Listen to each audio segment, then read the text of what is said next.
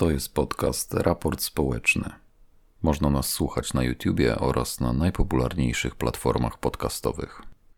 Proszę Państwa, prezydent Chin na forum w Davos przestrzegł świat przed nową zimną wojną oraz przed dążeniem przez jakiekolwiek państwo do globalnej dominacji. W swoim wystąpieniu wezwał do otwartości, dialogu i przestrzegania międzynarodowych norm. Podkreślił, że ożywienie światowej gospodarki trapionej pandemią pozostaje niepewne.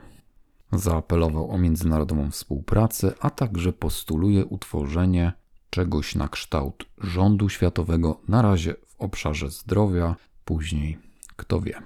I na kanwie tej odezwy ze strony jednego z głównych światowych liderów, chciałbym Państwa zaprosić do takiej intelektualnej przygody, takiej dyskusji na temat tego, jak zmienia się rola naszych cywilizacji na szachownicy świata. Zaprosiłem do audycji dwie osoby, Izabelę Litwin i Mariusza Drozdowskiego i porozmawiamy sobie tak szeroko na temat zderzenia cywilizacji oraz tego, czy czeka nas nowy chiński ład. Zapraszam do wysłuchania podcastu. Naszym pierwszym gościem jest Mariusz Maciej Drozdowski, badacz i twórca z doświadczeniem biznesowym i bardzo szerokim spektrum zainteresowań. Twórca metodologii MMD wykorzystywanej przez wielu inwestorów na rynkach finansowych, co ważne, udostępnił ją nieodpłatnie w internecie. Jedną z pasji Mariusza jest również muzyka. Niedawno stworzył własny kanał na YouTube. Link znajdziecie w opisie tego odcinka. Mariusz, chciałbym Cię zapytać. Niejednokrotnie byłeś w Azji, także w sprawach biznesowych, znasz specyfikę tamtego świata trochę z autopsji. I jak to się stało, Twoim zdaniem, że w tym starciu cywilizacji indywidualistycznej zachodniej z cywilizacją bardziej przypominającą kopiec termitów, cywilizacją chińską, nasza cywilizacja zdaje się przegrywać? Porównanie do kopca termitów. Kojarzy mi się to zbudowaniem pewnego rodzaju wspólnoty. I teraz porównując e, kult jednostki, z którym mamy do czynienia w tym świecie takim, nazwijmy to europejskim, zachodnim, czy on konkuruje z tym właśnie poczuciem wspólnoty, którą wydaje się, że w Azji jest ona bardziej budowana, bardziej spójnie? Powiem tak, byłem w Tajlandii, dam Ci przykład Tajlandii. Tam nie ma osłon socjalnych. Tam każdego dnia walczysz, mówiąc wprost o przeżycie budzisz się rano, jeżeli wieczorem nie przyniesiesz pieniędzy do domu, to twoja rodzina nic nie zje. Już pomijając fakt, że nie ma czegoś takiego jak zabezpieczenie emerytalne. Czyli oni muszą bazować na wspólnocie, muszą bazować na tych więziach, które gdzieś tam u nas zaniknęły, na przykład więziach rodzinnych. I teraz, no właśnie, co jest lepsze? Jednostka czy budowanie wspólnot? Może da się to połączyć. Znaczy twierdzę, że tak. Tylko chodzi o to, że my możemy te wspólnoty budować niekoniecznie na modłę podpowiadaną przez Azjatów, tylko budować je jakby w naszym własnym klimacie, nie? tutaj, z własnymi doświadczeniami. No ale mówiąc brutalnie, oni pokazali w tej sytuacji, w której się znaleźliśmy w roku 2020, jak są skuteczni. Pytanie, na ile myślimy wspólnotowo bo z punktu widzenia państwa jako organizacji, jako organizmu, interes państwa rzadko jest jakby spójny z interesem jednostki. I teraz y, mówimy o wspólnotowości. I teraz wspólnotowości na, po, na poziomie rodziny takiej małej, czy wspólnotowości na poziomie państwa. Bo y, jakąś wspólnotą mogą być Chiny, patrząc przez pryzmat Ujgurów, i oni poradzili sobie z pandemią super, ale tylko dlatego, że mogli wprowadzić zamordyzm, który w Europie byłby nie do pomyślenia. Tak nam się do niedawna wydawało, chociaż y, w wielu krajach mamy godzinę policyjną dzisiaj w Europie. No tak, to prawda. Pytanie na ile, no znowu, nie, nie mamy możliwości ruchu, więc bazujemy tylko na tym, e, co nam w mediach powiedzą, albo co tam YouTube nie ocenzuruje. Więc też mamy to wyobrażenie na temat e, sytuacji w poszczególnych państwach, takie trochę, wiesz, skrzywione zwierciadło, nie? Bo jak się rozmawia z ludźmi, e, to bardzo często oni tam normalnie funkcjonują. Oczywiście w narzuconych regułach ale funkcjonują. Ale wiesz, zaprosiłem też Ciebie, bo Ty znasz trochę to środowisko, takie korpo, e, działałeś w świecie też takiego e, no, dużego biznesu. Czy to nie jest tak, że tym ludziom, którzy decydują o naszym świecie, o naszym losie, pewne słupki w Excelu, mówiąc w dużym uproszczeniu, pokazały, że e, no, ten model chiński daje lepsze wyniki. Dlatego tematy, które byłyby absurdalne jeszcze w 2019. Jakaś taka, nie wiem, kontrola biometryczna, czy jakieś śledzenie, taka inwigilacja posunięta już do takich, można powiedzieć, orwellowskich trochę klimatów, wydawałaby się nie do przyjęcia w naszej kulturze, a poprzez to, że model chiński pokazał, że to daje, oddając to na, na szali kosztu, no, uzyskujemy wynik w tym Excelu lepszy. I to jest kuszące, wydaje mi się, dla tych naszych, w cudzysłowie, elit, bo oni też chcą, żeby ten wynik w Excelu był wyższy. Wiesz, bo to daje im jakieś bezpośrednie profity, czy, czy tam w tej rywalizacji na, na światowej szachownicy lepsze pola startowe. No dobra, no to znaczy bardziej jestem bliżej rynków finansowych niż korporacji, ale z punktu widzenia rynków finansowych, to tak naprawdę one już 10 lat temu przemieszczały się w kierunku Azji i to Azji szeroko rozumianej, bo my bardzo często rozumiemy Azję przez pryzmat Chin. Ale Azja to nie tylko Chiny. To wiesz, Indonezja, Malezja, Filipiny, Wietnam, tak? To, to tych państw tam jest całe mnóstwo. E, Tajlandia, oczywiście Kambodża, która też się bardzo dynamicznie rozwija w tej chwili. Czyli to spektrum tych państw jest bardzo, bardzo szerokie. Patrząc przez Chiny, przez ich rozwój gospodarczy, no też mamy takie trochę krzywe, krzywe zwierciadło, ale tu masz rację z tym Excelem i myśleniem takim, no właśnie, typowo Excelowym. Umówmy się, że w Europie społeczeństwo się starzeje, czyli konsumpcja spada. Co więcej, pojawia się roszczeniowość. Państwa azjatyckie są w fazie wzrostu, mają populację, która jest nastawiona konsumpcyjnie. Co prawda, tam bardzo często ludzi nie stać na komputer, ale stać ich na telefon. Więc ten element y, monitoringu z telefonem, który jest przyklejony do kieszeni, jest jak gdyby dużo, dużo prostszy.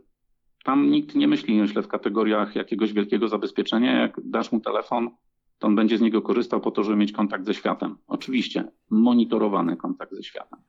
Więc pod tym względem Excelowym jak najbardziej tak. Świat finansów jest już w Azji od dawna. W sensie zaczęło się od Chin, a gro na przykład dużych firm przenosi swoją produkcję do Wietnamu.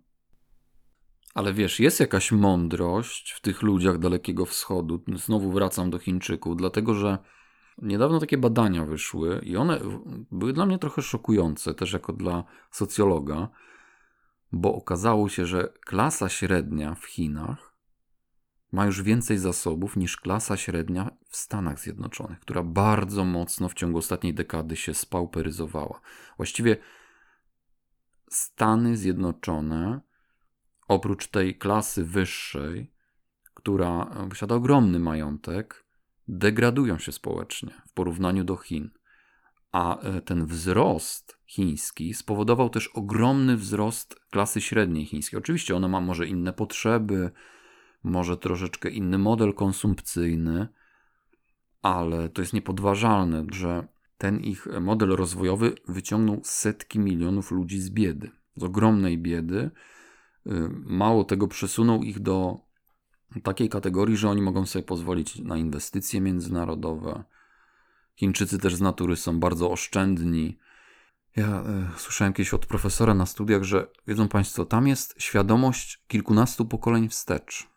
A to daje taką perspektywę, że jak ktoś wyjeżdża do Polski otwierać biznes, na przykład z Wietnamu, to często się na ten biznes składa 100 osób znowu mamy myślenie wspólnotowe, bardzo często połączone z rodziną, nie? że to jest biznes rodzinny. Może to jest coś, czego powinniśmy się od nich uczyć, no bo co jest właściwie w tym złego, żeby myśleć w taki sposób. Mówisz, że może gdyby oni byli tak zabezpieczeni socjalnie jak my, to też poszliby w stronę takiej trochę dekadencji, prawda? Takie społeczeństwo tłustych, leniwych kotów, ale y, czy my już nie poszliśmy za daleko w tym modelu?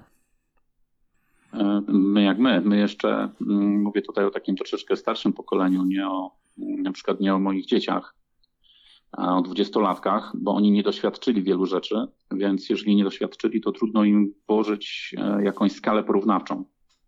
Czyli no okej, okay, e, pewnie tak jak mówili nasi rodzice, mogliśmy pokiwać głową, powiedzieć tak, tak, no ale teraz jest inaczej. A ja coraz częściej mam wrażenie, że my powinniśmy może niekoniecznie uczyć się od Chińczyków, ale przypomnieć sobie, jak to było kiedyś u nas bo to, bo to nie jest nic obcego. Znaczy, tworzenie spółdzielni czy myślenie w kategoriach organizowania się w formie spółdzielczości, nie spółek, ale spółdzielczości, ale takiej niewypatrzonej przez komunizm, gdzie hasło spółdzielnia e, źle nam się kojarzy i teraz jest zastępowane takim określeniem kooperatywa.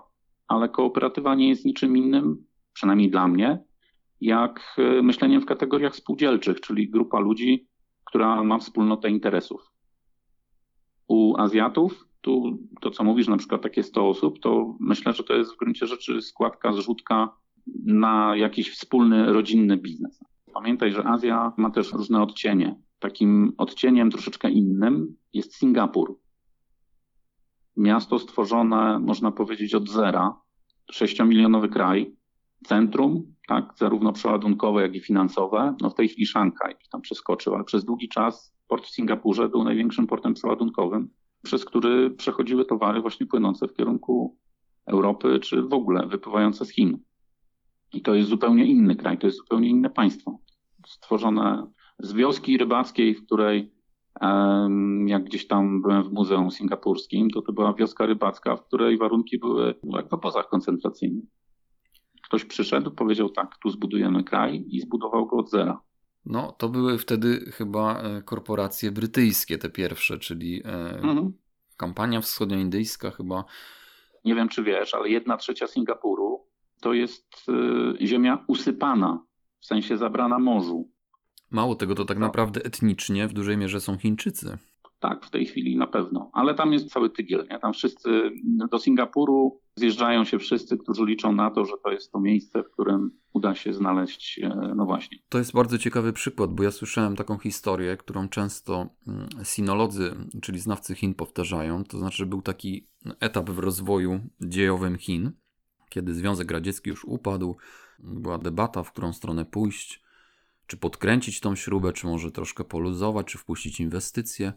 I oni jeździli na korepetycje do Singapuru.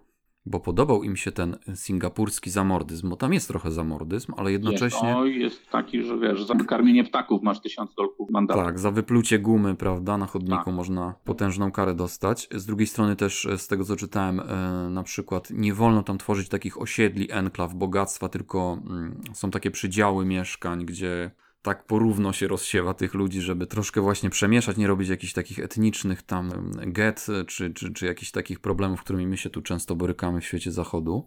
Ale on był bardzo atrakcyjny dla, dla tych elit chińskich, ten model. Oczywiście to jest inna skala, natomiast myślę, że oni dużo z tego Singapuru zaczerpnęli, prowadzili u siebie.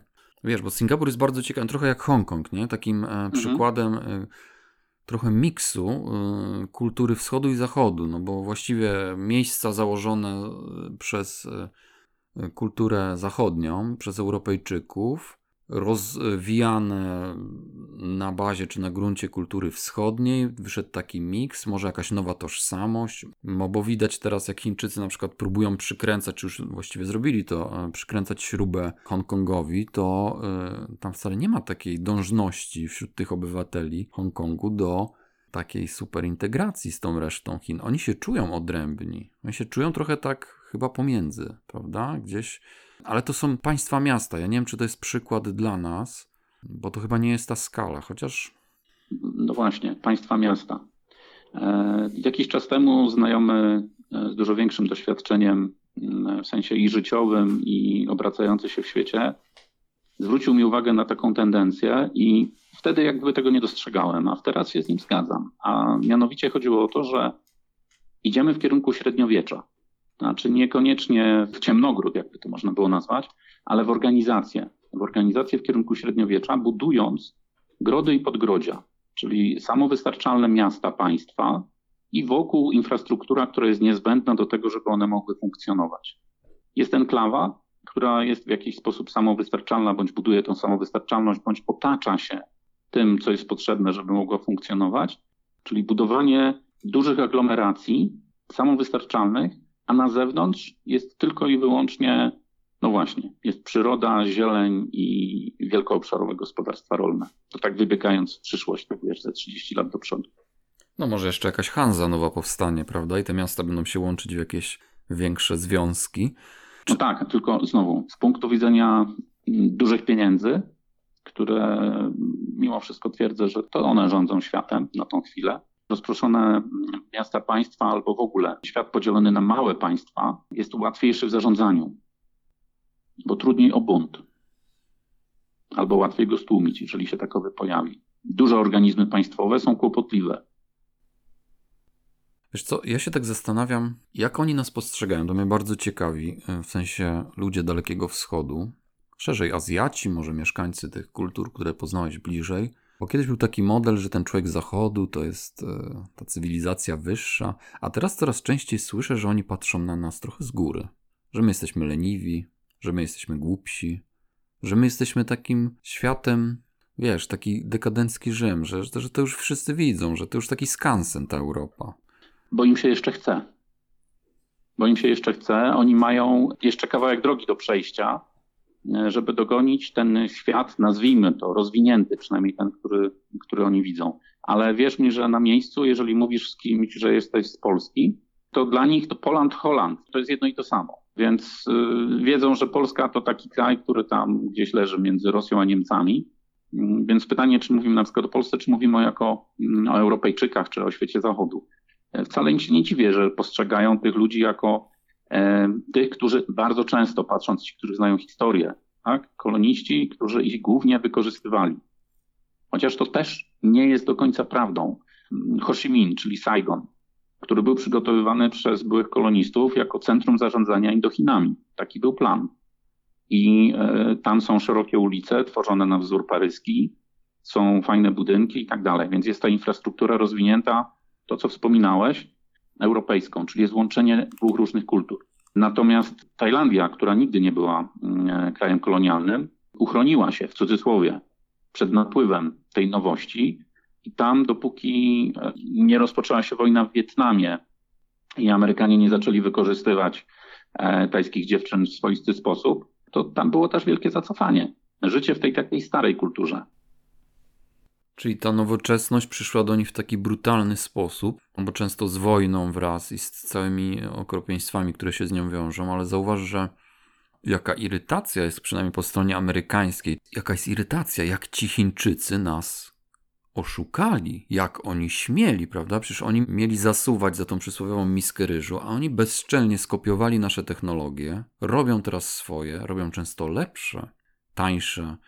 Nagle jest wielka irytacja, prawda? Mało tego, wykupują e, masowo w całym, w całym świecie różne tradycyjne takie no, marki europejskie. Już nikogo nie dziwi, że tam Volvo jest chińskie, że jakieś takie rzeczy, które no, zawsze nam się kojarzyły, prawda, z takimi hard zachodnimi e, nazwami czy, czy markami. Dzisiaj bardzo często są to marki chińskie, nawet w, nie wiemy tego w otwarty sposób.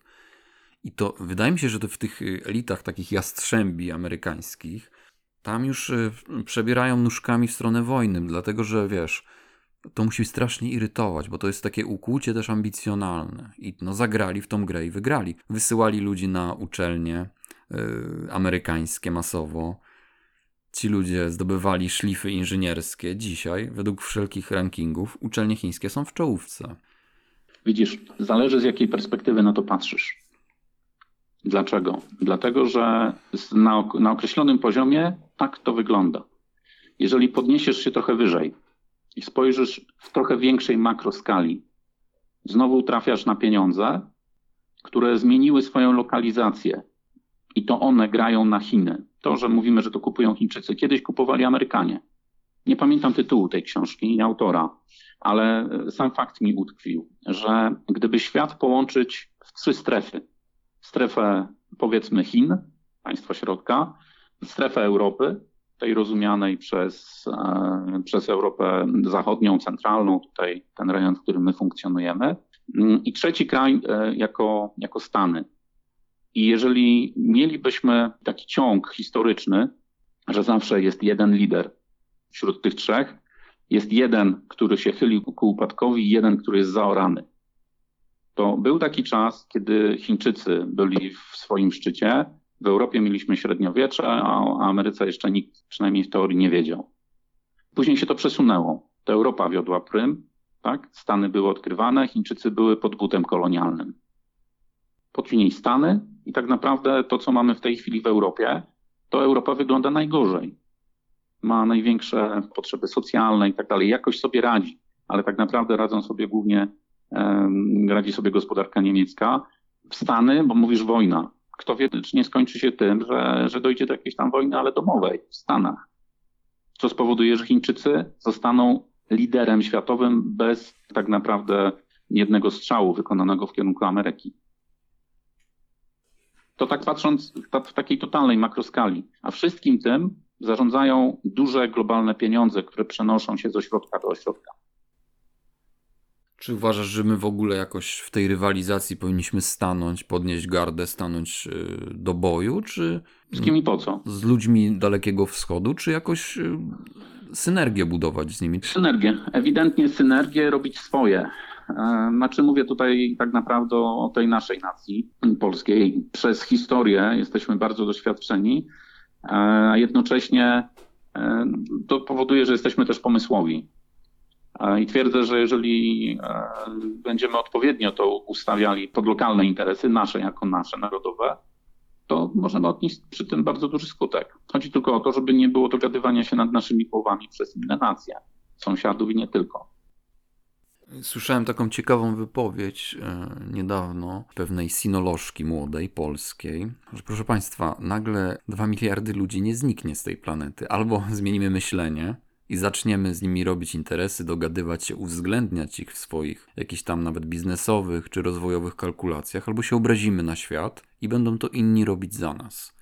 Bo my też mamy jako Polska swoje jakieś kosmetyki, meble bardzo wysokiej jakości, to jest nasz hit eksportowy. Mamy jabłka, wędliny. Tak, mamy bardzo dobrej jakości żywność, co nie jest taką oczywistością wszędzie na świecie. Nam się wydaje, że to jest normalne. Nie, to nie jest normalne, bo są kraje na świecie, gdzie żywność dobrej jakości jest luksusem. I oni są gotowi za to płacić.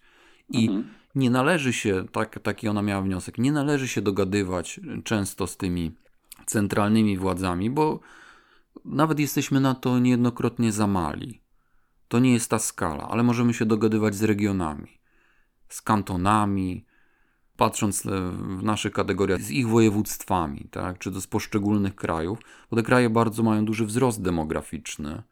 Kto wie, no są takie książki, są takie futurystyczne wizje, że w Warszawie jest wielka na przykład wietnamska dzielnica, my dzięki temu mamy świetne biznesy, na przykład z Wietnamem, który bardzo mocno rośnie teraz gospodarczo, bardzo mocno rośnie też demograficznie, mało kto wie, ale Wietnamczyków jest już więcej niż Niemców. W samym Wietnamie, nie mówię o diasporze na świecie.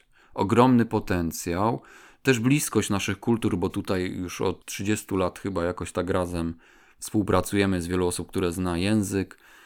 Może powinniśmy spojrzeć na to tak właśnie z otwartym sercem, przyjaźnie, yy, tak jak powiedziałeś, że poprzez synergię, ale to by chyba wymagało trochę tupnięcia butem, prawda, obrócenia się tyłem do Amerykanów. Nie wiadomo, czy mamy taką siłę w sobie, czy mamy taką odwagę, bo myślę, że siłę to może znajdziemy, ale czy mamy taką odwagę w myśleniu? Co byś tutaj, mm, gdybyś był, nie wiem, premierem czy, czy, czy doradcą jakichś naszych decydentów, jakbyś, jakbyś doradził w taki mądry sposób, żeby, żeby przesunąć te wektory myślowe w takie bardziej odważne rejony? Wiesz co, Wietnam, Wietnam to nie Chiny, bo Wietnam jest o dziwo i tu historia płata różne figle. E, Wietnam jest sojusznikiem Stanów Zjednoczonych, tak jak my. Też trochę e, tak. w, w, obawie przed, w obawie przed, przed, Chinami. przed wielkością Chin, tak. Tak, dokładnie tak. Znaczy tak e, w ogóle ta współpraca polsko-wietnamska ona jest jeszcze dłuższa niż lat 30, bo mm, wyobraź sobie, że jest bardzo wiele zabytków w Wietnamie, które mają adnotacje, tablice pamiątkowe, że zostały odnowione, odrestaurowane e, dzięki wsparciu Rzeczpospolitej Polskiej. Więc współpraca jest dużo szersza i historycznie dłuższa. No i jak gdyby z punktu widzenia, tak jak mówisz, postrzegania Amerykanów, współpraca z Wietnamem jest jak najbardziej ok. No na Chińczyków mogą patrzeć krzywo. Wiesz, ale to taki jest, ja nie wiem, czy to jest taki sojusznik permanentny, bo my, my się tak trochę przykleiliśmy do tych Stanów Zjednoczonych i wydaje się, że to jest taka wersja bezalternatywna już. Natomiast wiesz, Wietnam, to niedawno jeszcze Filipiny były takim y, wielkim sojusznikiem e, Stanów Zjednoczonych, ale już chyba wykonały jakąś woltę, bardziej tupnęły nogą, bardziej w stronę chińską. I widać, że to, jest, to są tacy mm, gracze obrotowi w tych, te, te takie kraje wokół Chin. Trochę, mhm. wiesz, trochę zerkają w jedną stronę, trochę w drugą. Australia też podobnie się zachowuje. Zobacz, bo tu też widać w Afryce. Cała Afryka robi się chińska, prawda? I tam ten model wygrywa. I można powiedzieć, że no tak, bo oni się dogadują z tymi wataszkami, nie zwracają uwagi na prawa człowieka, ale tak uczciwie no, spójrzmy na to. Czy my, Europejczycy, jak tak promowaliśmy te prawa człowieka i w ogóle te koncerty, pamiętamy, jeszcze były w latach 90., tam dla Afryki, wielkie takie festiwale, koncerty. Co z tego? Ludzie wtedy tam umierali z głodu. Dzisiaj w Afryce jest rozwój. Chińczycy, co by nie mówić o ich nieetycznych metodach, braku prawda, y, naszego etosu pracy, praw pracowniczych itd., tak itd., tak oni przywieźli tam kasę, budują infrastrukturę, dają tym ludziom pracę, w sensie takim, że dają tym ludziom możliwości. Uruchomili Afrykę w tym sensie. Oczywiście grabią ją, ale czy my nie grabiliśmy? Tak, tak. To my, ale nie nam. Taka trochę mentalność Kalego w nas się. Co oni tam do tej Afryki, jak oni mogą? No ale no, co Europa robiła? Y, I wcale nie było to takie dobre dla Afryki. Afryka była totalnymi peryferiami świata. Dzisiaj Afryka naprawdę się rozwija. Myślę, że wiele osób byłoby bardzo zaskoczonych, jak wygląda infrastruktura w niektórych miastach afrykańskich. Bardzo często też jest e, e, w Afryce mamy do czynienia z czymś takim jak z premią zacofania. E, czytaj Nigeria, w której płatności mobilne są najlepiej rozwiniętą technologią na świecie. Ale to są technologie chińskie, prawda? To nie jest tak, że tam przyjechał ktoś z technologią z zachodu. To są głównie technologie chińskie. Wiesz, te know-how, te kredyty tanie i tak dalej, to wszystko przywieźli ze sobą Chińczycy. Nam się to nie podoba. Natomiast y, pytanie, może oni to organizują lepiej? Może już czas powiedzieć, słuchajcie, robicie to lepiej. Współpracujmy. Tylko wiesz, to, ta geopolityka to trochę tak, jak mówi Bartosiak, to jest taka gra o sumie zerowej.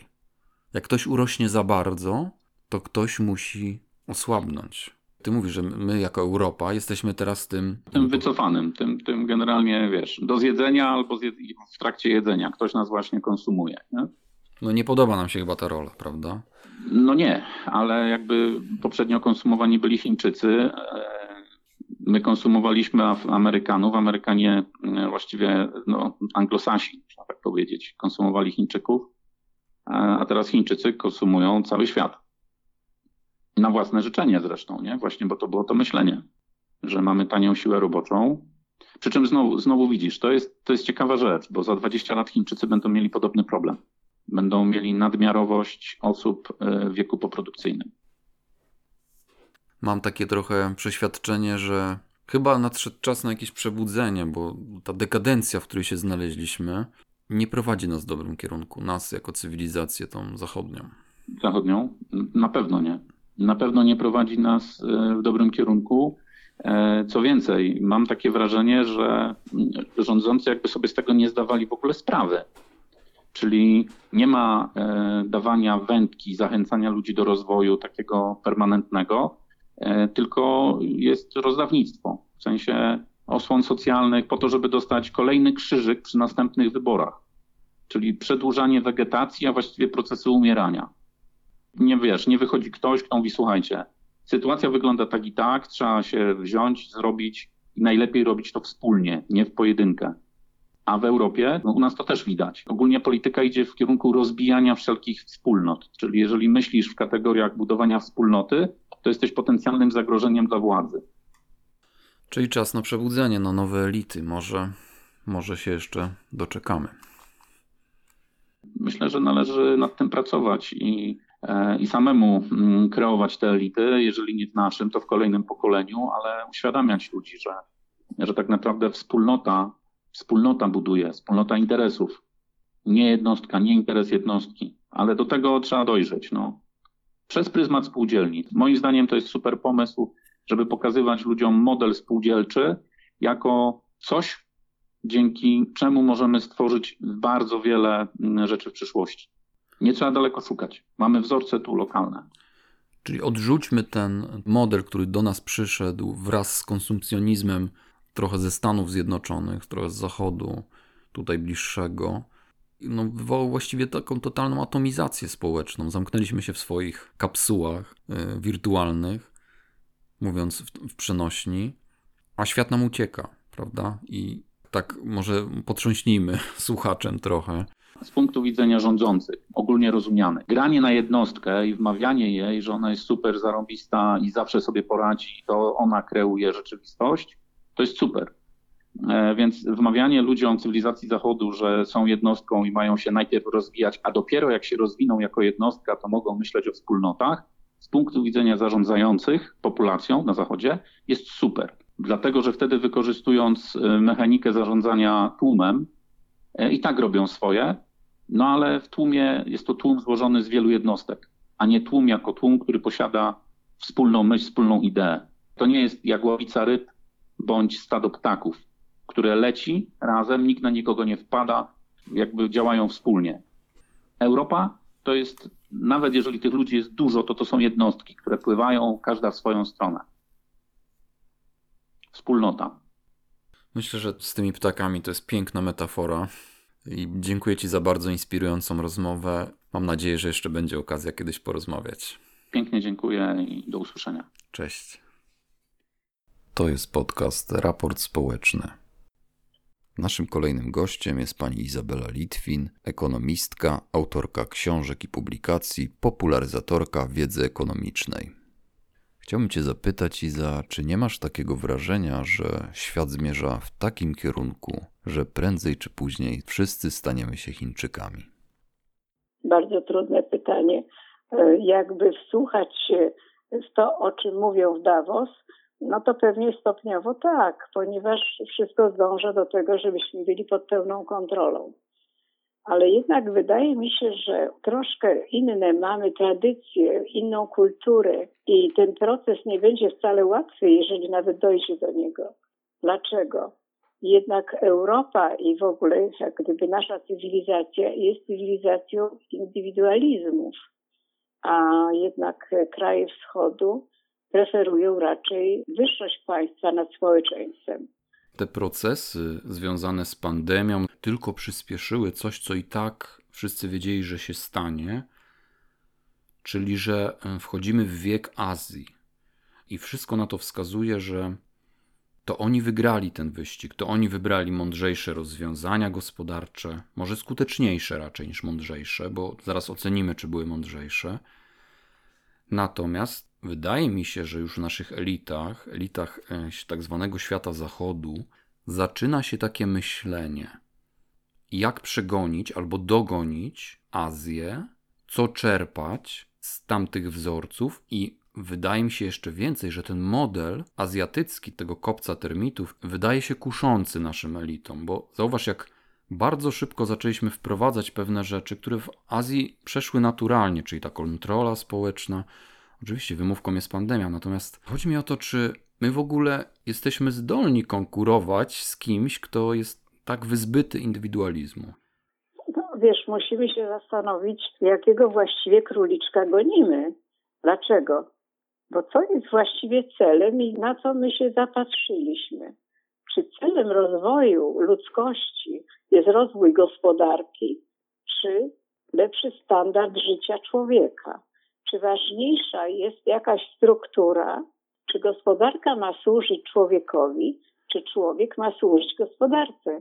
Więc pytanie, czy chcemy wracać do tej sytuacji, kiedy jednostka jest zerem, i czy ta pogoń za tym rozwojem gospodarczym, za tymi innowacjami, za coraz większymi ulepszeniami, za coraz większym może komfortem nawet życiowym, ale komfortem materialnym, stricte materialnym, bo tylko o tym w tej chwili mówimy, czy jest wart tego, żebyśmy przeszli na taki właśnie system chiński.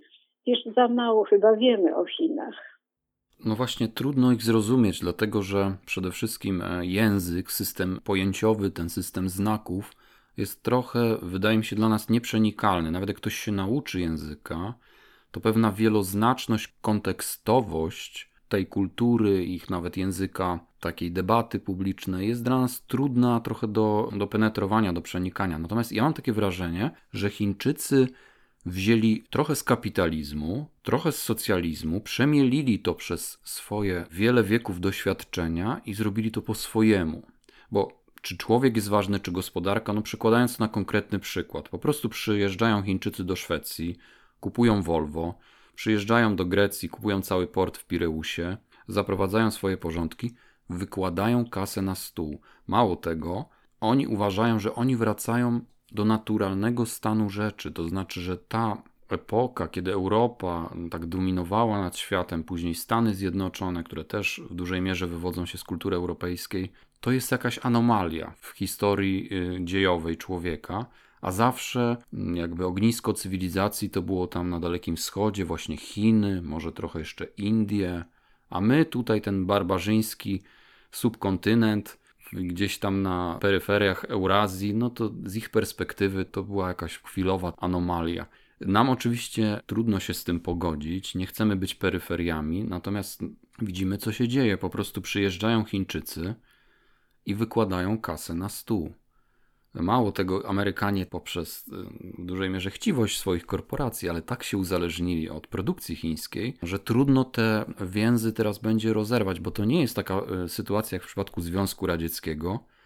Chiny są graczem ogólnoświatowym, są uczestnikiem wolnego rynku, są wpięte w gospodarkę światową. I tu nie będzie możliwy taki numer jak na przykład z Japonią, prawda? Kiedy Stany w pewnym momencie wywróciły Japonię celowo, gospodarczo, nakazały im pewne ruchy, żeby Japonia się wywróciła. Z Chinami nie da się tego zrobić. I nagle jest problem. Y, czy mamy obudzić się w świecie chińskim? Czy Chińczycy w ogóle mają takie ambicje jak Amerykanie, żeby rządzić światem? Niektórzy mówią, że nie. Co jest właściwie celem dla nas, dla naszej zachodniej kultury? Co jest celem?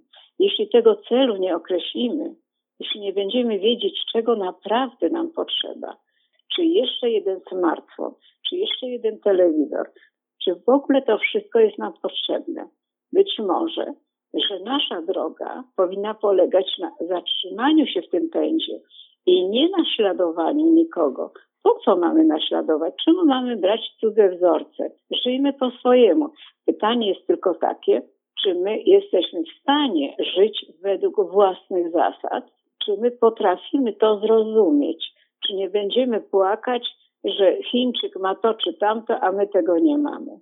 Wiesz, był taki dokument e, na Netflixie nie tak dawno temu, on nadal jest dostępny, można sobie obejrzeć. E, American Factory o takim Chińczyku. Aha który otwiera e, tak. firmę w Stanach Zjednoczonych, taki bardzo spauperyzowany obszar, gdzie wszystkie fabryki wyjechały i no, ludzie nie mają pracy. Takie, można powiedzieć, Stany Zjednoczone bez lukru. I on tam przyjeżdża, otwiera pracę i on wprowadza tam chińskie porządki w tej fabryce. To jest fabryka bodajże okien samochodowych. I on dostaje po prostu fioła z tymi Amerykanami, bo dla niego to są takie niezdarne istoty. On nawet mówi, że oni mają takie rasistowskie powiedzieć, że oni mają grube palce, że to są w ogóle i tak dalej, i tak dalej. W końcu wziął taką wycieczkę tych menadżerów amerykańskich do Chin, żeby pokazać jakby chiński etos pracy, żeby pokazać jak się pracuje w Chinach, jaka jest skuteczność. Do tej fabryki matki ich zabrał, bo to była filia ta w Stanach. No i tam jeden to się nawet rozpłakał z tych menadżerów, powiedział, że my nie mamy szans z nimi. To jest, to jest absolutnie, no... Oni już jakby zrozumieli, że, że przegrali wtedy, bo no nie da się wygrać z człowiekiem, który troszeczkę działa jak robot, który pracuje po kilkanaście godzin dziennie, w czasie wolnym nie idzie na papierosa, czy żeby porozmawiać sobie, tak. poplotkować przez telefon, tylko uczestniczy w gimnastyce zbiorowej z kolegami z pracy. No to jest już taki troszkę obłęd. Dla nas chyba nie do przeskoczenia, a może się mylę. Orwell pisał naszą klasyczną powieść i ona jest osadzona w kulturze europejskiej. To nie są Azjaci. No właśnie. No to co? My chcemy przejąć wzorce chińskie, czy nie chcemy? Jeżeli ja bym miała iść do pracy i każdy patrzyłby, czy każde pięć minut, czy każdą minutę wykorzystuję dla dobra mojego pracodawcy, czy też dla etosu pracy, bo jestem urodzona do pracy, no to ja się z tym nie zgadzam. Ja chcę pracować, ale chcę pracować w takim tempie, w jakim moja kondycja fizyczna mi pozwala i z takiej pracy, gdzie mam odpowiednie umiejętności, odpowiednie kwalifikacje. I dlatego myśmy się powinni zastanowić, czy my chcemy chińskiego modelu. Jeżeli odpowiemy, że nie, no to po prostu nie puszczajmy Chińczyków do nas, albo puszczajmy, ale na naszych zasadach. A poza tym walczyć z Chińczykami należy poprzez gospodarkę celną. I tyle. Wtedy nie będzie tego problemu, czy mam kupować y, polskie, czy mam kupować chińskie. Mam chronić własną gospodarkę, własnych pracowników, własne zatrudnienie i tyle. Bo zasada gospodarki powinna polegać na tym, że pierwsza samowystarczalność. I w tym zakresie powinniśmy dążyć do samowystarczalności nie tylko żywnościowej, energetycznej, ale w każdym zakresie, żebyśmy mogli to, co się da, produkować w Polsce. To jest jedna rzecz. Nie bacząc na to, że ten produkt w Polsce byłby wytwarzany większym kosztem niż gdzie indziej, bo po prostu on jest dla nas i produkowany u nas. I wszystko się kręci w kraju. A druga zasada to jest stworzyć hit eksportowy, prawda? Ponieważ są rzeczy, których w Polsce nie mamy i musimy się ze światem kontaktować. I taki hit, tak, powinno się wybrać daną branżę. No wiesz, my mamy taki potencjał intelektualny, że gdyby nie te granty, to pewnie bylibyśmy znacznie bardziej rozwinięci gospodarczo. Może trzeba już wyrzucić podręczniki do nauki języka angielskiego i zabrać się za naukę mandaryńskiego. Nie uczę się mandaryńskiego, chociaż może to się kiedyś w przyszłości przyda, bo jak wiesz, to jest y, najliczniej reprezentowany język na świecie. No to faktycznie ciężko sobie wyobrazić. Tym bardziej, że chyba cała, cała literatura naukowa, cały ten też taki dyskurs popkulturowy światowy nadal wydaje mi się, że odbywa się głównie w języku angielskim. Więc nasz obraz świata chyba jest jednak nieco wykrzywiony. Wciąż nam się zdaje, że Chiny to jest jakaś prowincja światowa, a przecież to się zmieniło. To wygląda troszkę tak, jakby byśmy byli z Marsa, a oni z Wenus, albo odwrotnie, bo wydaje mi się, że oni trochę tak rosną jak taka odrębna zupełnie struktura, nieprzenikniona dla naszej percepcji. No tak, ona sobie rośnie i my nie wiemy, dlaczego się jej boimy czy w ogóle się jej boimy, czy się nie boimy i jak mają się układać stosunki między nimi i nami, prawda? Bo to jest takie podstawowe pytanie teraz. Amerykanie się ich boją, Europa się ich boi. Pytanie, czy my się też boimy, a jeśli się boimy, to dlaczego? Wydaje mi się, że boimy się ich dlatego, że nie do końca ich rozumiemy albo wcale ich nie rozumiemy. Aczkolwiek to jest zadziwiające, bo ja e, wielokrotnie rozmawiałem z ludźmi, którzy znają Daleki Wschód, znają Chiny i oni mi tłumaczyli niejednokrotnie, że Chińczycy są dosyć podobni do Polaków pod wieloma względami. Że może w niektórych sytuacjach łatwiej nam by się było nawet dogadać z Chińczykiem niż z Amerykaninem.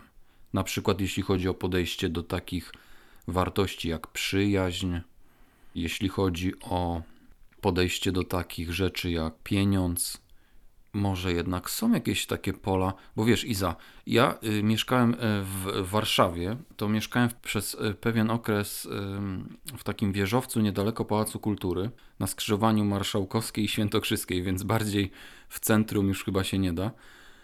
I tam mieszkała też rodzina wietnamska obok mnie. I naprawdę to chyba byli moi ulubieni sąsiedzi. Powiem ci, że asymilacja tych ludzi, jakaś taka kultura osobista, przyjazność y, była na bardzo wysokim poziomie. No tak, tylko że my jednak mylimy te kultury. My nie rozumiemy, że Wietnamczycy i Chińczycy to są w ogóle dwie odrębne nacje nie tak bardzo zbliżone kulturowo, jakby się wydawało to z wyglądu, bo my tak nie za bardzo odróżniamy, prawda? Bo to są ludzie wschodu, oni wyglądają inaczej, dla nas podobnie, ale dla Chińczyków i dla Wietnamczyków nie. To nie są kraje, które się kochają przecież. Tak, i tam też jest dużo takich y, antagonizmów, prawda? Japonia, Chiny, Korea, Japonia, właśnie Wietnam, Chiny, y, Filipiny, Chiny, bo tam są te y, spory o o granice gospodarcze tych mórz przybrzeżnych, tam są duże zasoby, Chińczycy się coraz bardziej rozpychają i to też widać, ten wzrost gospodarczy przekłada się na taką pewność geopolityczną Chin, to znaczy coś, co wydawałoby się nie do pomyślenia jeszcze 20 lat temu, dzisiaj już jest y, normą. Pamiętasz, Izak, y, y, jaką sensacją było, jak zaczęli usypywać Chińczycy te swoje pierwsze sztuczne wyspy i stawiać tam flagi, stawiać tam swoje lądowiska, swoje bazy, no jakby akcentując to, że do tej pory byliśmy takim przyczajonym mocarstwem, nie obnoszącym się ze swoją potęgą, ale teraz wracamy na swoje właściwe miejsce, czyli pierwszej gospodarki świata, bo tak było w historii zawsze, że Chiny były e, pierwszą gospodarką świata. Mimo, że były daleko od nas, to były zawsze ogromną potęgą. Chyba nie do końca zdajemy sobie z tego sprawę dla nas ta kultura chińska jest tak odległa, jak dla Chińczyków nasza europejska. To my sobie wyobrażamy, że każdy musi wiedzieć, gdzie tam leży Polska, co tam w tej Europie i tak dalej. A oni o nas wiedzą tyle, co my o nich, czyli bardzo niewiele. Zatem to zbliżenie kulturowe będzie bardzo trudne. Tylko pytanie, czy Chińczycy nam imponują, czy nie? Czy podoba nam się ich droga, czy się nie podoba? Czy chcemy wstrząc się do ich rydwanu, czy też chcemy iść swoją drogą? To są takie zasadnicze pytania. Czy podoba nam się Chińczyk, który ma stale na twarzy maskę, nie mówię o maseczce tej, która teraz się pojawiła, tylko mówię o twarzy, która niczego nie mówi. Nie poznasz, czy Chińczyk nie podobasz mu się, czy mu się podobasz. On jest po prostu układny. Ich kultura nauczyła ukrywania swoich emocji. No i teraz jest pytanie, czy na to odpowiada, czy my się z nimi w związku z tym dogadamy. To bardzo trudny temat. Stawiam taką tezę, że my jako Polacy jesteśmy trochę na pograniczu. Na pograniczu kultur. Zawsze tak było w historii, że trochę łączyliśmy ten wschód z zachodem. I mhm. kultura amerykańska, spójrz, też nie jest do końca taką e, bliską nam, bo ty, ty mieszkałeś w Stanach Zjednoczonych, wiesz jak to wygląda. Ktoś biega tam sobie jogging, haj, haj, uśmiechy, ale też nic za tym nie idzie. To też jest takie pustosłowie. Nie, to jest takie powierzchowne właśnie, taka komunikacja bardzo powierzchowna. Masz rację, że z Chińczykiem nawet ciężko się dogadać w tej nawet sferze e, niewerbalnej.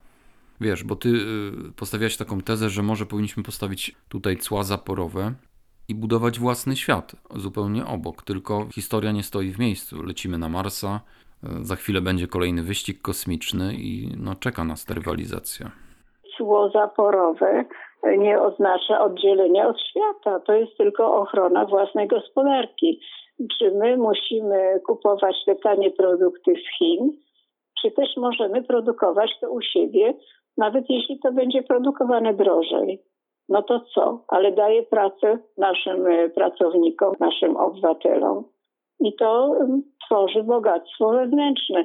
A jeżeli będziemy kupować tanie chińskie produkty, no to będziemy także nasze do Chin sprzedawać tanio, bo nie ma innej opcji. Więc to jest bardzo skomplikowana sprawa. E, chiński rynek jest tak wielki, że właściwie oni mogą tworzyć gospodarkę zamkniętą. Co prawda mają zbyt mało surowców niektórych i dlatego tak dużo eksportują, ale w zasadzie Chiny mogą być samowystarczalne w bardzo dużym stopniu. No, czy my możemy być? No i w związku z tym ich pozycja jest inna. Natomiast może niepokoić ta ekspansja, no bo Chińczyk już wszędzie jest. W Afryce jest, prawda, w Europie jest y, i, i, i działa i działa, tylko działa po swojemu. Pytanie, czy nam się to podoba. Czy my chcemy tej kultury, tej kultury pracy przede wszystkim, nie tylko bycia, ale czy tej kultury pracy, która u nich y, funkcjonuje. A może to jest tak, że oni są y, jeszcze po prostu głodni? No, że jak y, przestaną być głodni, to przestaną tak dużo pracować? Nie sądzę. Jednak to chińska kultura jest oparta na Konfucjuszu i tam państwo jest ważniejsze niż człowiek. A oni do tego przywykli od wieków. I dlatego u nich człowiek nie jest tak ważny jak u nas. U nas my jesteśmy w ogóle indywidualistami, prawda? Dla nas państwo to jest przeszkoda wielka. Dla nich nie. Dla nich państwo jest najważniejsze i służba państwu i dobro ogółu jest ważniejsze niż ich własne. Ale czy ty nie uważasz, Iza, że taki model trochę technokratyczny chiński, gdzie dobór kadr odbywa się w dużej mierze na podstawie kompetencji, a nie na podstawie tego, kto ma, e, tak jak u nas, e, szerszy uśmiech, czy bielsze zęby, czy jest wyższy, bo badania były w Stanach Zjednoczonych, że często wygrywa na przykład ten kandydat, który jest wyższy. Może taki model doboru kadr na podstawie e, kompetencji, a nie jakiegoś takiego Big Brothera trochę jak u nas, to się do tego sprowadza. Co 4 lata robimy sobie takie show. Może on się okazał, ja nie mówię, że on jest lepszy, ale może on się okazał bardziej wydajny, bardziej skuteczny. Bardziej skuteczny na pewno. I dlatego ta merytokracja, jak mówi się o ustroju chińskim, że merytokracja jest bardzo skuteczna w działaniu. W ogóle demokracja jest całkowicie bezwładna dlaczego ludzie, którzy nie mają pojęcia o gospodarce, dlaczego mają na ten temat dyskutować i dokonywać jakichś wyborów. To wszystko jest po prostu chore. Demokracja nie jest ustrojem, który może y, sprawować rządy gospodarcze. I dlatego ta gospodarka jest puszczona na żywioł i panuje wolny rynek. Tam wolny rynek nie panuje, chociaż częściowo panuje oczywiście, ale wszystko jest y, decydowane przez y, tych merytokratów, to znaczy tam głównie rządzą inżynierowie. A u nas nie. U nas rządzą kto? Historycy, politolodzy, to tam jeszcze? A ekonomiści ze starej szkoły, którzy w ogóle nie patrzą na to, co się dzieje w koło. Więc ustrój demokratyczny na pewno nie jest tym, e, który jest ustrojem wymarzonym, szczególnie wtedy, kiedy trzeba gonić świat. Pytanie tylko, czy my chcemy ten świat gonić. Z naszej perspektywy cywilizacyjnej wydaje mi się, że to jest trochę taka pułapka, bo pamiętamy, czym się w Europie skończyło odejście od demokracji. Tą lekcję już odrobiliśmy, przeszliśmy dwie wielkie wojny, ja się zastanawiam, czy my nie dojrzeliśmy już do tego, żeby spośród swoich przedstawicieli wybrać jakąś radę takich mędrców, którzy mogliby w takich y, strategicznych obszarach naszego życia, choćby gospodarczego, no jakoś skuteczniej kierować tym państwem, bo to nie może być tak, że ktoś, kto nie ma pojęcia, wiesz, y, na przykład zabiera się za budowę mostu, wtedy dopuszcza się fachowca. Natomiast jeśli chodzi o gospodarkę, jeśli chodzi o takie regulacje społeczne, państwowe, to często, tak jak ty mówisz, y, zabierają się za to amatorzy, czy też niefachowcy. Wiesz, jak ja ostatnio poczytałem sobie, jakie są kompetencje y, różnych liderów politycznych w Polsce, no to powiem ci, że szału nie ma, delikatnie mówiąc ale to nie chodzi nawet o te kompetencje, które zdobywa się na jakichś uczelniach i te, i te świadectwa i te dyplomy mają świadczyć o tym, że, że potrafią, że wiedzą. Świat się zmienia. Jeśli nie wyciąga się wniosków z obserwacji, to najlepsze uczelnie niczego nie załatwią. Po prostu uczyć się trzeba z obserwacji i wyciągania wniosków z tego, jakie skutki przynosi określone działanie. A jeśli my tylko patrzymy na prawa ekonomiczne, na wzory ekonomiczne i w ogóle posługujemy się tą starą wiedzą, no to to przynosi marne efekty. Ale oczywiście y, ustrój demokratyczny to nie jest szczyt osiągnięć ludzkości. I myślę, że dojdziemy do jakiejś innej formuły. Jak, kiedy, trudno powiedzieć. To jest nie do przewidzenia. Jednak pytanie jest zasadnicze takie. Czy chcemy naśladować Chińczyków? I jeżeli tak, to które aspekty ich działania naprawdę nam się podobają i chcielibyśmy je widzieć u siebie? No ja nie wiem. To jest, myślę, bardzo dobre pytanie, dlatego że tam, tak jak powiedzieliśmy, nie do końca albo w, no, w dużej mierze w ogóle nie panuje tak zwany wolny rynek. Tam jest duża ingerencja państwa, tam jest dużo regulacji, tylko może po prostu są to mądre regulacje. Taki przykład. Chińczycy wpuszczali korporacje duże amerykańskie do siebie albo korporacje niemieckie, ale na dosyć określonych warunkach. To znaczy, musiał być jakiś udział państwowy w tej korporacji, która się otwiera na ich terenie, udział państwowy w sensie chiński. Tam chyba były wymogi, że jakaś y, część kadry kierowniczej. Czyli już na, na dzień dobry postawili jakieś warunki, czego my chyba nie zrobiliśmy, jak wpuszczaliśmy e, korporacje tutaj do siebie i no, widzimy, czym to się skończyło, w, czyich rękach jest polski handel, w czyich rękach są polskie fabryki.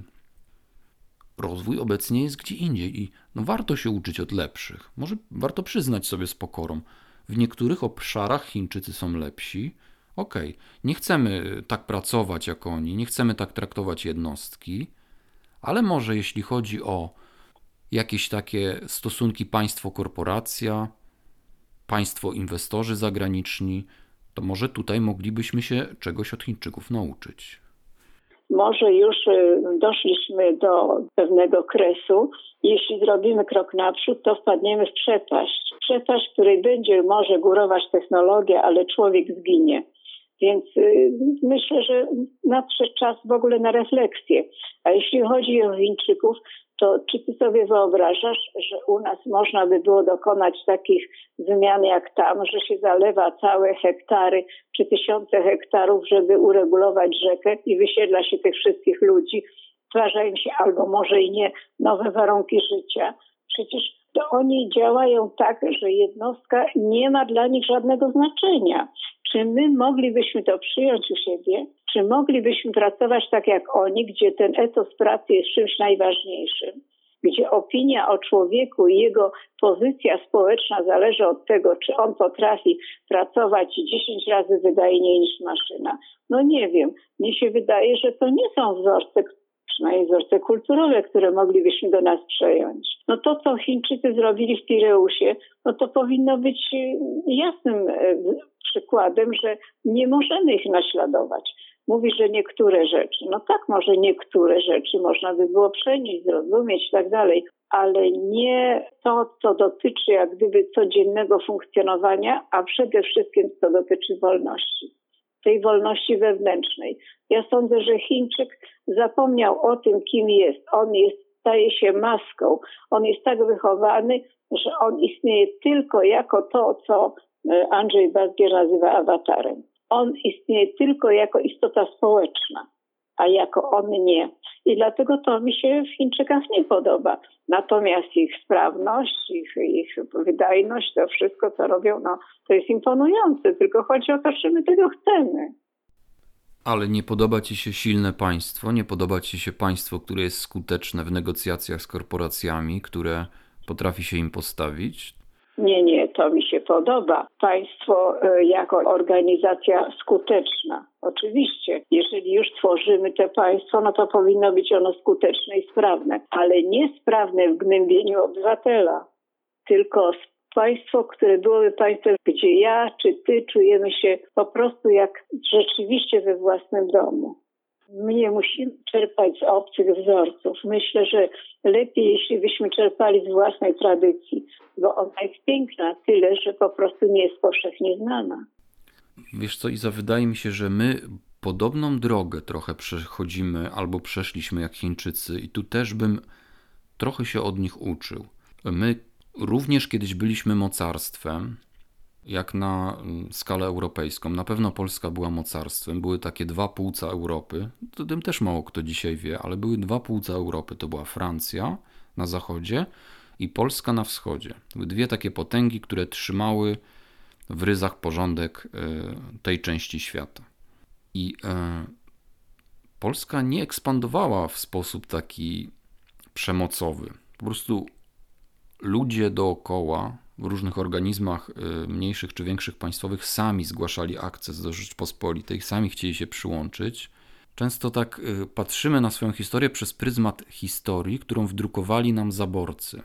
Że Polska to porażka. Polska to państwo, które no, gdzieś tam poniosło no tak. klęskę. Natomiast y, nie czerpiemy właśnie z, z siebie, z swojego źródła.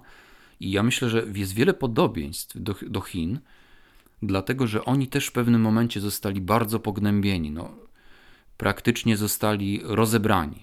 Tam, tam już e, w ich portach były obce statki, to opium, pamiętamy, prawda, jak byli e, przez Brytyjczyków traktowani, czy jak nawet Stany Zjednoczone się budowały. No to Chińczyk to był zaraz powyżej chyba psa. Budowali te linie kolejowe amerykańskie. Bardzo, bardzo byli źle traktowani przez nas bardzo byli zgnębieni, tak samo my. I gdzieś tam, ale pamiętali tą swoją wielkość. I ja słyszałem taki, e, taką wypowiedź Chińczyka, który mówił, że Polska to jest mocarstwo w fazie pewnego odwrotu. Natomiast y, dla nich, jako dla cywilizacji, która patrzy setki, tysiące lat wstecz, to jest normalne, to jest naturalna kolej rzeczy, że my wrócimy kiedyś na swoją pozycję i oni bardzo chętnie też podjęliby współpracę, bo wiedzą, że Polska jest pewnym ośrodkiem cywilizacyjnym tutaj, w tej części Europy, że jest czymś ważnym. Może my nawet siebie tak nie doceniamy, może my nawet pozwoliliśmy sobie tak wdrukować pewne rzeczy w głowę, i tego bym się uczył o Chińczyków, bo zauważ, od czasu Olimpiady w Pekinie nastąpiło takie przebudzenie w Chińczykach. Ta duma, oni tak trochę zaczęli podnosić głowę. Może nam też by się coś takiego przydało, pouczyć się trochę własnej historii, także gospodarczej, bo mamy świetne, oryginalne rozwiązania u nas w Polsce, oparte na współpracy międzyludzkiej. Naprawdę niesamowite rzeczy. Tylko to jest ogromna, ogromny wysiłek edukacyjny. Warto o to walczyć, wydaje mi się, i uczyć się też tego od Chińczyków, że czasem może nie podążajmy tak z nurtem, nie podążajmy tak ślepo kopiując inne wzorce, bo Chińczycy właśnie, wydaje mi się, oni mają swoją drogę i ja w nich to podziwiam. Tak, masz rację w takim sensie. Znaczy, masz rację i trochę nie masz racji. Co jest największą siłą narodu? Otóż nie technologia i nie te zdobycze technologiczne, tylko kultura. Kiedy Mongołowie podbili Chińczyków, to w krótkim czasie kultura mongolska, czyli ci Mongołowie przyjęli w ogóle kulturę chińską. To był taki podbój, który jak gdyby nie był y, do końca rzeczywisty, bo potem po prostu stojąc wyżej cywilizacyjnie i kulturowo, Chińczycy zdominowali zaborców. U nas też powinniśmy stawiać głównie na kulturę, na tę naszą tradycję. Możemy się uczyć od Chińczyków. To zachowanie tożsamości, które jest u Chińczyków, to jest właśnie to, co jest także bardzo cenne. Na koniec bym chciała postawić podstawowe pytanie. Czy chcemy iść śladem Chińczyków? I jeżeli tak, to po co? Jaki jest ten cel? Bo to jest najważniejsze. Jeżeli nam się podoba, co oni robią i chcielibyśmy to przenieść na nasz teren, to musimy się zastanowić po co. To jest podstawowe pytanie. I właściwie, które elementy nam się naprawdę podobają, które rzeczy nam się najbardziej podobają, które jesteśmy w stanie zaakceptować, które są zgodne z naszą duszą narodową. To jest bardzo ważne. To jest pierwsze pytanie. A drugie, na które powinniśmy sobie odpowiedzieć, to czy dominacja chińska na świecie, gdyby do niej doszło, czy ona jest zrozumiała, czy nie. W końcu jest to największy naród, tak? Dlaczego nie chcemy im przyznać pierwszeństwa?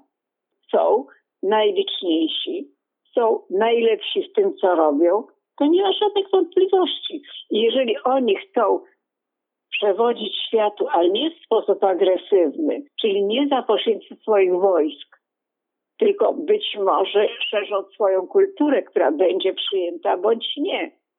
Odbieranie im prawa do tej dominacji jest po prostu dla mnie śmieszne. Bo jakie prawo do dominacji na świecie mają Stany Zjednoczone? Prawo lotniskowca. To powiedziałeś bardzo dobrze. Prawo lotniskowca. A ponieważ Chińczycy teraz też mają lotniskowce, to może to wszystko się zmienić. Więc jeżeli w Chinach nie zrodzi się ta chęć agresji, czyli opanowania świata, to wszystko będzie dobrze. Chińczycy mają tyle ludności, że cała ich produkcja może być przeznaczona na rynek wewnętrzny. Oni mogą pobudzać i rozwijać swoją gospodarkę, pobudzając popyt wewnętrzny. Myślę, że zahamują w tej chwili ten eksport i będą myśleć o własnych obywatelach. I jeśli tak będzie, i będą myśleć o własnych ludziach, o własnych obywatelach i o tym, żeby tym ludziom było lepiej, to wtedy to wszystko, co robią, będę to chwalić. Ale dopóki oni pracują po to, żeby dominować na świecie i żeby ewentualnie zagrozić światu, no to wtedy mi się to nie będzie podobało. Wiesz, Iza, tak e, już zmierzając do końca, myślę, że przy obecnym rozwoju technologicznym to już dawno powinniśmy być na zupełnie innym etapie rozwoju i y, czerpać od tego, co osiągnęli Chińczycy, od tego, co osiągnęli Europejczycy, Amerykanie, wykorzystać swój potencjał intelektualny w ogóle dla dobra człowieka, dla dobra jednostki, ale chyba wciąż te takie atawistyczne instynkty trochę takie jaskiniowo-wojenne za mocno w nas tkwią. Może wraz z tymi dziwnymi czasami, które ostatnio nastały na świecie, przyjdzie jakaś taka refleksja, takie oczyszczenie, jakieś nowe otwarcie, że my w ogóle zaczniemy iść w inną stronę i, i odrzucimy myślenie w takich kategoriach rywalizacja czy wyścig. Zaczniemy rzeczywiście korzystać z potencjału technologicznego, bo wiesz, y, niektórzy mówią, że to zmierza w stronę takiego cyberpunka, czyli high-tech, low-life. Czyli mamy tak. wysoki rozwój technologiczny, natomiast człowiek w tym rozwoju jest takim e, trash, czyli takim po prostu, mówiąc brzydko, śmieciem. Człowiek jest nic nieznaczący, są wielkie korporacje, wszechwładne, rozlewające się taka mroczna, futurystyczna wizja. Niektórzy mówią, że w tę stronę zmierzamy. No właśnie, wiesz, to z ludzi, którzy chcą się bawić, będziemy ludźmi, którzy chcą być zabawiani. I to jest ten wybór, przed którym stoimy. Czy my chcemy się bawić, czy my chcemy siedzieć na kanapie i być zabawiani. Bądźmy kreatorami. To jest, wydaje mi się, coś, co głęboko w nas tkwi, jako w Europejczykach. Y, nie bójmy się sięgać gwiazd, nie bójmy się sięgać poza horyzont, tylko wyciągnijmy wnioski z historii i, i, i róbmy to dla wspólnego dobra, dla rozwoju ludzkości, a nie po to, żeby nowe obszary na mapie zagarniać. Czy my chcemy się bawić, czy chcemy być zabawiani? To jest podstawowe pytanie. Jeżeli na nie odpowiemy, to wtedy będziemy wiedzieć, czy idziemy w stronę rozwoju pokazanego przez Chiny, czy stworzymy naszą własną drogę. Dziękuję Ci za bardzo inspirującą rozmowę. Ja Tobie także dziękuję. Dziękuję Państwu. To był podcast Raport Społeczny. Znajdą nas Państwo na YouTubie oraz na najpopularniejszych platformach podcastowych. Pytania i uwagi można kierować na nasz adres mailowy poczta.raport.gmail.com